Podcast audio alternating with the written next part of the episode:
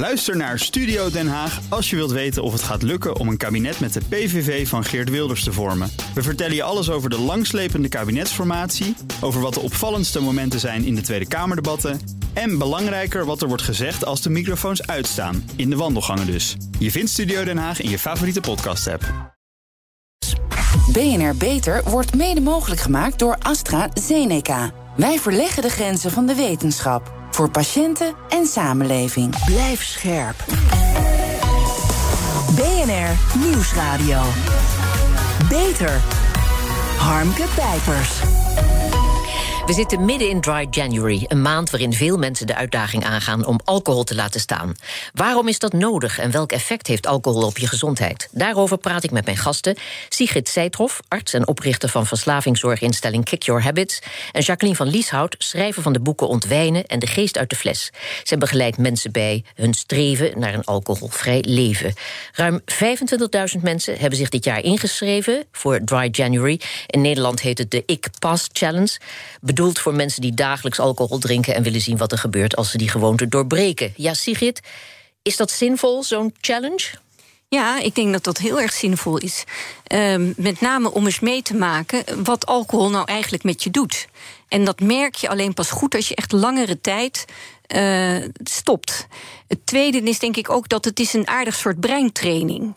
En als je jezelf goed oefent in nee te zeggen, mm-hmm. dan uh, heeft dat effect op, op, op, op eigenlijk veel meer terreinen in je leven. Daar leer je ook beter door te zeggen van nee, uh, ik wil dit of dat niet doen. En dat ja. blijkt ook uit de cijfers dat 64% van de mensen die meedoen aan, mee, vorig jaar medededen aan Dry January, zeggen ook: ik ben beter geworden in nee zeggen. Mm-hmm. Dus ik ben overdag, ik ben helderder. Um, hebben, mensen hebben beter geslapen. Ja, maar ik begreep dat er na tien dagen nu al zo'n 2000 mensen zijn afgehaakt. Uh, het is een maand onthouding, vraag ik me dan af. Is dat wel genoeg om een patroon van elke dag drinken te doorbreken? Nou, nee, ik denk dat als je uh, iemand bent die zegt: Ik wil uiteindelijk graag toch af en toe drinken, mm-hmm. dan uh, kun je beter dat een tijdje langer niet doen.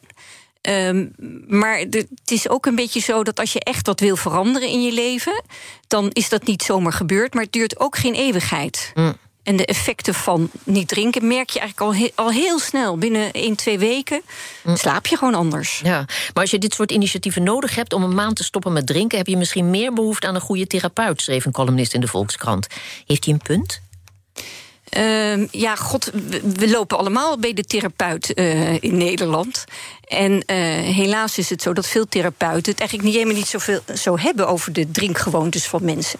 Sterker nog, ik zou zeggen dat therapeuten moeten het daar veel meer over hebben. Ja. Maar ik denk, we kunnen dus ook echt heel veel zelf doen. We hoeven helemaal niet naar de therapeut. Ja, dat is goed nieuws. Maar de Gezondheidsraad uh, adviseert maximaal één glas per dag... en minstens twee dagen per week helemaal niet drinken. Dat komt dus neer op maximaal vijf tot zeven glazen per week. Ja, met zo'n advies zou je zeggen... ach, zo erg is zo'n dagelijks wijntje dus niet. Kennelijk. Nou, weet je, hij, qua aantallen heeft de Gezondheidsraad gelijk. Mm-hmm. Maar het enige is dat dat ene glaasje per dag. Dat lukt ons niet. Dus daar zit een beetje een, een onhandigheid in dit advies. Wou je zeggen dat het beter is om die zeven glazen in één dag op te drinken? Nou, dat zou je bijna zeggen dat dat zo is. Het is in ieder geval, je kan veel beter niet drinken en af en toe wel. Want het is namelijk het zo, alcohol ontremt. Ja. Dus op het moment dat je één glas gedronken hebt... wil je gewoon van, je hersenen dwingen je als het ware om meer te drinken. Dus dat, mensen zeggen altijd, wil dolgraag één glas drinken per dag... maar dat lukt niet. Dus je kan ja. beter niet en soms wel. Jacqueline, hoe sta jij daar tegenover? Ja, ik ben het daar helemaal mee eens. Want ik zei altijd. Uh, mensen zeiden wel eens tegen mij toen ik stopte. En ik had helemaal niet het besluit genomen om dat voor heel lang te doen. Van, maar je kunt toch één glaasje nemen? Zeg, ja. ja, dat kan wel. Maar het enige wat dat me geeft, is het verlangen naar een tweede. Ik denk trouwens dat het ook belangrijk is om te weten dat de Gezondheidsraad met één glas 100 milliliter bedoelt. Mm -hmm. Dus dan moet je 7,5 glas uit een fles wijn schenken. En dat doet bijna niemand. Nee, want het zijn tegenwoordig van die ordinaire grote Bellen. Ja. ja. Dat valt mij ook op. Ja. ja. Zegt Sigrid, de 25.000 mensen die zich hebben ingeschreven voor deze uitdaging... die vormen maar een heel klein deel van de mensen dat dagelijks alcohol drinkt. De helft van de Nederlanders drinkt meer dan de Gezondheidsraad adviseert... en heeft er dus baat bij te minderen. En naar schatting zo'n 10% van de Nederlanders tussen de 18 en de 65 jaar... is problematisch drinker. En het komt neer op meer dan een miljoen mensen... Ja, dat vind ik toch wel een schrikbarend aantal. Dat is een schrikbarend aantal. En uh, het is een behoorlijk uh, onzichtbare groep bovendien. Hoe kan dat? Nou, omdat alcohol is zo ontzettend vermengd met ons, ons hele leven. En alcohol is trouwens ook een fantastisch middel. Mm -hmm. Want um, als je ongelukkig bent en je hebt stress, helpt alcohol direct. Hè? Stress en vermoeidheid verdwijnen als sneeuw voor de zon. Aan de andere kant, als je, als, je, als je iets leuks aan het doen bent en je voelt je fijn, voel je nog iets fijner met een glaasje alcohol erbij. Dus alcohol is iets geworden in onze samenleving, wat, wat uh, ons leven is eigenlijk doordrenkt van alcohol. Hm. En um, ik denk zeker bij vrouwen. Bij mannen zie je het nog wel. Hè. Een man heet ook wel een beetje stoer misschien als hij aangeschoten is in het café rondhangt. Maar met name veel vrouwen zijn eigenlijk stille drinkers. Ja. Die um, verstoppen het vaak dat ze, dat ze drinken. Die drinken om hun, hun stress, ongenoegen en, en depressies uh, te verdoven. Ja, Jacqueline, voor mensen onder de 18 wordt drinken sterk ontmoedigd... omdat alcohol een negatief effect heeft op de ontwikkeling van het brein... organen, botten en hormonen. En dat geeft de indruk dat drinken na je 18e geen kwaad meer kan... want dan ben je dus inmiddels volgroeid. maar dat klopt dus niet? Nee, sowieso uh, zegt Erik Scherder, die daar natuurlijk uh, als het om hersenen gaat echt wat van weet, dat ja. je tot je dertigste eigenlijk helemaal niet zou moeten drinken. En als het gaat om die andere schade die je noemt aan, aan hormonen en dat soort dingen, dan kun je dat eigenlijk voor de rest van je leven doortrekken. Ja, maar alcohol is van alle tijden. Hè. In de Bijbel staat: drink met een vrolijk hartje wijn. En Jezus veranderde water in wijn tijdens de bruiloft in Cana. Maar was alcohol altijd al schadelijk? Of is het vooral de manier waarop we er nu mee omgaan die het zo schadelijk maakt? Nou, ik denk als jij vier keer per jaar een glas wijn zou drinken, dat je niet om zou vallen. Nee. Maar het is vele malen schadelijker dan dat de meeste van ons denken. Ja, maar voor heel veel mensen is uh, alcohol een manier om te ontspannen. Hè? Was het dat ook voor jou? Zeker, dat was eigenlijk het primaire doel. Omdat mijn hoofd altijd doorgaat. En tegen tegen wie ik dat zeg, die zegt... ja, inderdaad, dat klopt. Het was de ontspanning, het was de teddybeer, het was de rust... het was ja. chic, Bourgondisch, de, de ja, gateway naar goed gesprek. Allemaal dat soort aannames. Tja, Sigrid, in de verslavingskliniek zie jij uh, dagelijks de gevolgen van alcoholverslaving. Welke gevolgen zijn dat dan? Waar hebben we het over? En wat bedoel je, fysiek of psychisch? Of, nou, alle twee graag. Alle twee graag, ja. Nou ja, fysiek, uh, alcohol is gif. Um, het heeft een belangrijke rol speelt het in de ontwikkeling van kankers. Dementie, uh, je hebt natuurlijk niet in één keer opeens Korsakoff, maar langzamerhand, je hoort het, hoort het vaak bij mensen bij ons die ouder zijn, dat ze zeggen van mijn brein gaat zo achteruit. Ja. Belangrijk ding is borstkanker. Hè. In Nederland is het borstkankerscore is al heel hoog. Ja. Eén op de zeven vrouwen krijgt het. En als je regelmatig één glas per dag al drinkt, uh, wordt dat risico met zo'n 10% verhoogd. Uh, maar daarnaast is het denk ik uh, is het zo dat aan de ene kant maakt alcohol je stress heel snel weg, maar tegelijkertijd produceert het ook stress. Mm. Als je er is mooi onderzoek gedaan naar mensen die een depressie hadden. En daarbij was en dronken, alcohol dronken. En toen was de enige interventie die ze deden: laat die mensen stoppen met drinken. Ja. En vervolgens is eigenlijk na een paar weken al, is bij 70% van die mensen is die depressie weg. Ja. Dus dat wil zeggen dat alcohol in negatieve zin ontzettend veel doet met onze levens. Ja. Overgewicht bijvoorbeeld. Ik vind dat er in de voorlichting rond overgewicht, dus om, bij afvallen, dat dat eigenlijk veel te weinig gaat over alcohol. Ja, het wordt nooit gevraagd. Nee, alcohol uh, doet iets met de calorieën natuurlijk. Mhm. Er zitten veel calorieën in. Maar bovenal, je raakt ontremd door alcohol. Dus wat doe je s'avonds? Je duikt die ijskast in. Ja, maar goed, als ik dat allemaal hoor, dan denk ik... waarom wordt er dan niet massaal alarm geslagen... en zet de overheid, verzekeraars en wie nog meer, medici ook maar... niet in op het rigoureus verbieden van alcohol? Omdat alcohol onze teddybeer is onze vriend, van ons allemaal. Van de arts, de therapeut, de behandelaar, de specialist. Van iedereen. Mhm. Mm -hmm. Dat weet de industrie ook. Ja, want artsen leggen vaak niet het verband hè, tussen alcoholgebruik en allerlei gezondheidsklachten. Nee. Ja, meneer Scherder dan wel. Ja. Ja. Ja, er zit ook een soort gêne. Hè? Er zit Ja. een grote gêne en schaamte en schuldgevoel rond drinken. En we mm, roken, dat, dat lukt eigenlijk heel goed. Moet je niet doen, moet je niet doen, moet je niet doen. Maar rond alcohol ehm, zitten zoveel maatschappelijke eh, en menselijke. Ja, maar het is niet alleen gêne. Het is ook effecten gewoon en onwetendheid. Zelf Ja. heb je in het verleden, eh, Jacqueline, behoorlijk gedronken. Hè? Het opmerkelijk is dat, eh, dat jij toen al mensen advies gaf over een gezonde leefstijl. Ja, hoe zat dat? Wil je het niet weten? Was je in ontkenning of was je niet wat alcohol met je lijf doet? Ik had een boek geschreven over een 28 dagen detox-programma voor één Mhm. keer per jaar. En in feite was dat mijn excuusmaand.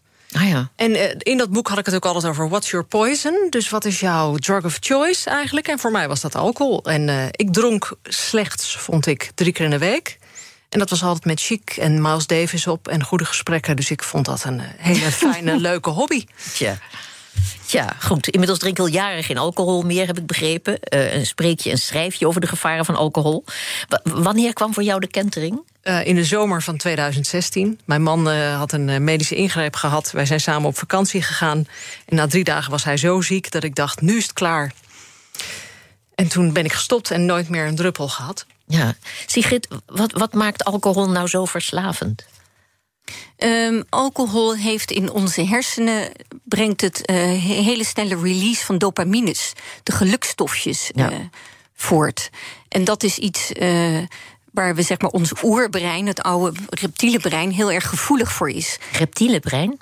Ja, dat is, dat is een beetje de moderne naam voor te zeggen dat, dat een heel deel van ons genetisch gezien zijn wij mensen eigenlijk niet zo heel veel anders dan de oermens, de Ja. jager-verzamelaar. Dat deel van onze hersenen bepaalt eigenlijk nog steeds het grootste deel van wat wij denken, voelen en doen overdag. Ja. En Jacqueline, alcohol is een harddrug, hè, zeg jij. Waar, Ja. waar baseer je die uitspraak op? Op je eigen Nou, ervaringen? op- ook, maar ook op wat de wetenschap zegt en ook wat eh, professoren zeggen. Ehm, eh, dat als alcohol, nou, het is heel simpel. Als alcohol nu zou worden uitgevonden, dan zou het geen keuring doorkomen. Ja. Dan is het gewoon wat het is. Dan hoort het in het rijtje van GHB, cocaïne, noem maar op. ja. En niemand, Ja? niemand zal zeggen snuif met mate. Ja. De Britse psychiater en drugsonderzoeker David Nutt noemde in 2009 alcohol al de schadelijkste drug. Dat kostte hem zijn baan als voorzitter van de Britse Wetenschappelijke Raad in zaken drugsmisbruik. Want ja, die boodschap wilde niemand horen kennelijk. Maar alcohol is en blijft vrij verkrijgbaar. De winkels en de restaurants staan er vol mee. In tegenstelling tot wat je noemde, cocaïne, heroïne en ander spul. Hoe lang gaat het nou nog duren voordat deze boodschap gehoord gaat worden? Of, of gaat dat voorlopig niet gebeuren? Ik denk dat dat heel moeilijk te voorspellen is. Maar dat er een duidelijke trend is. Als ik kijk naar toen ik stopte, hoe eh, niet populair dat was. Ook bij mijn vrienden. Ah ja. Vonden ze een zeer, zeer slecht idee. En hoezeer mensen er nu mee bezig zijn, dan is er duidelijk iets gaande. Maar je kan er geen jaartal aan hangen, denk ik. Nee. Sigrid, de maatschappelijke en gezondheidsschade die alcohol eh, aanricht... is groter dan die van sigaretten, zeg jij. Leg uit. Nou, kijk, eh, we zijn altijd al erg bezig met stoppen met roken en helemaal terecht. Maar de schade van eh, nicotine is voor jezelf en je omgeving. Maar als het gaat over alcohol, ehm, is er uitgaansgeweld zonder alcohol. Ja. Denk aan geweld thuis, in de huiselijke situatie, heel vaak onder invloed van alcohol. Verkeersongelukken. Denk aan verzuim op het werk. Hè. 15 op de 100 mensen zegt van dat hij eigenlijk dat er toch wel op zijn werk ook een probleem heeft met alcohol. Door katers of door verzuim. Ja. Dus dat, dat, dat is enorm. Ik denk dat als we met z'n allen minder gaan drinken, dan eh, verandert onze samenleving ten goede. Ik heb, daarom ben ik ook het boek Proost, voor wie wie niet wil stoppen met drinken, geschreven. Mhm. Om te zeggen van ja, we hoeven niet allemaal te stoppen met drinken. Maar het, meer, het alcoholist natuurlijk wel, maar het merendeel van de mensen, er is heel veel baat bij als we minder gaan drinken. ja. Want Sigrid, het gaat nog verder dan dat. Want alcoholgebruik staat zelfs aan de basis van het steeds verder doldraaien van onze consumptiemaatschappij. Nou, dat heeft ermee te maken dat dat oude brein, dat oerbrein waar we het net over hadden, dat is een deel van ons brein wat heel snel moet reageren. Dat is het brein wat eh, op het moment als de leeuw er aankomt, moet Ja. je in één keer weg zijn. Het is het brein wat maakt dat wij makkelijk impulsief handelen.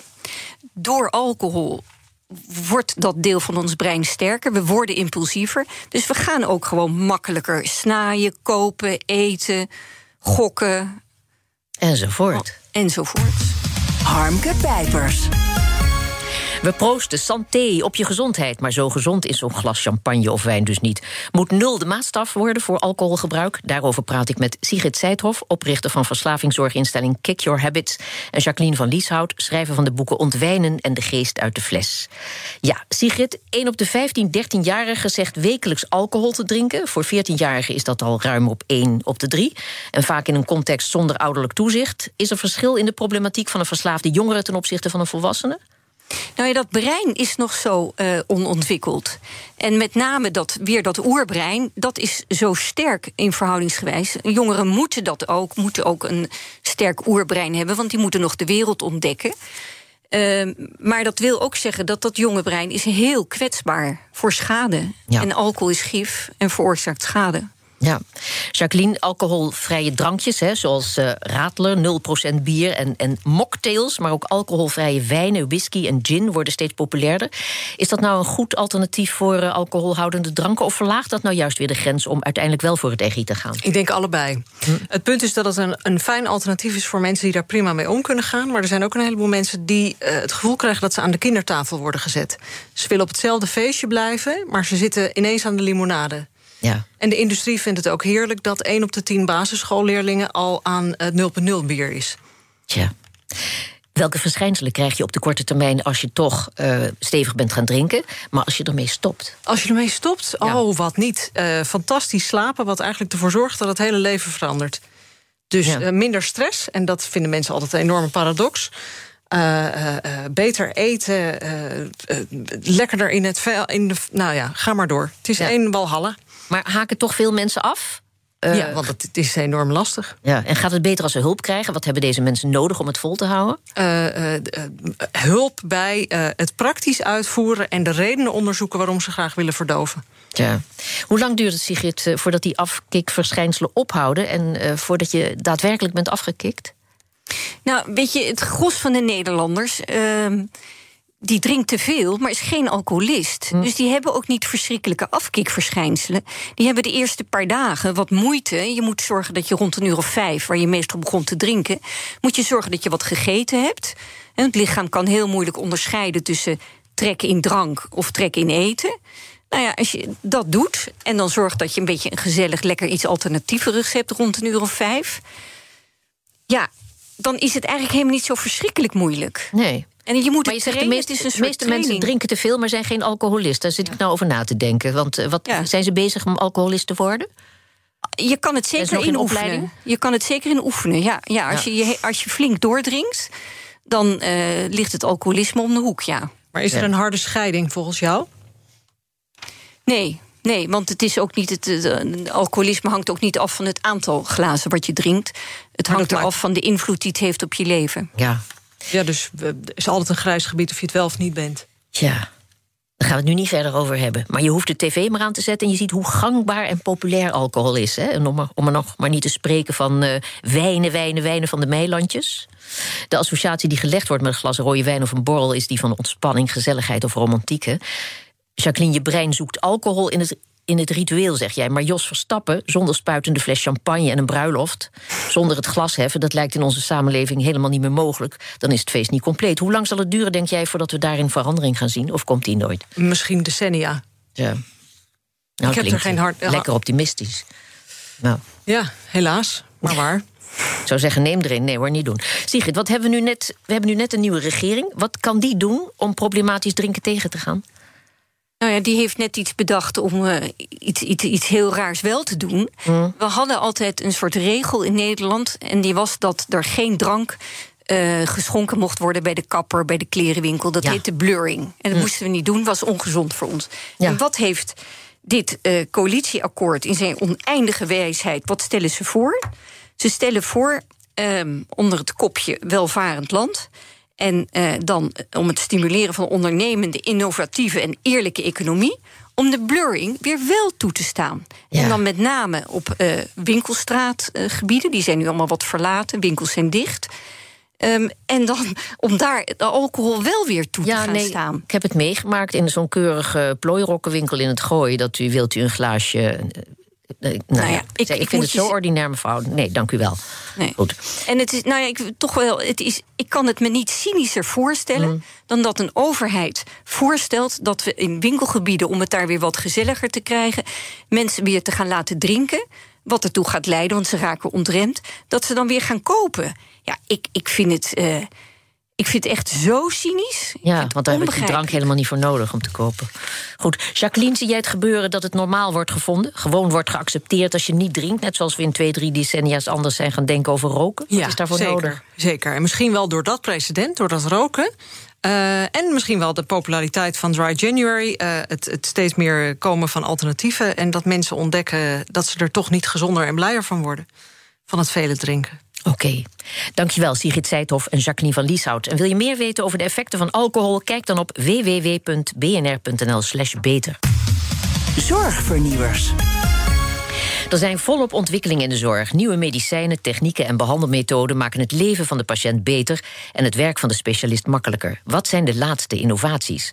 Onderzoekers van het Leids Universitair Medisch Centrum hebben een speciale techniek ontwikkeld waarmee ze menselijke hartspiercellen kunnen ontwikkelen buiten het lichaam. Antoine de Vries, onderzoeker aan het LUMC, waar worden die hartspiercellen voor gebruikt?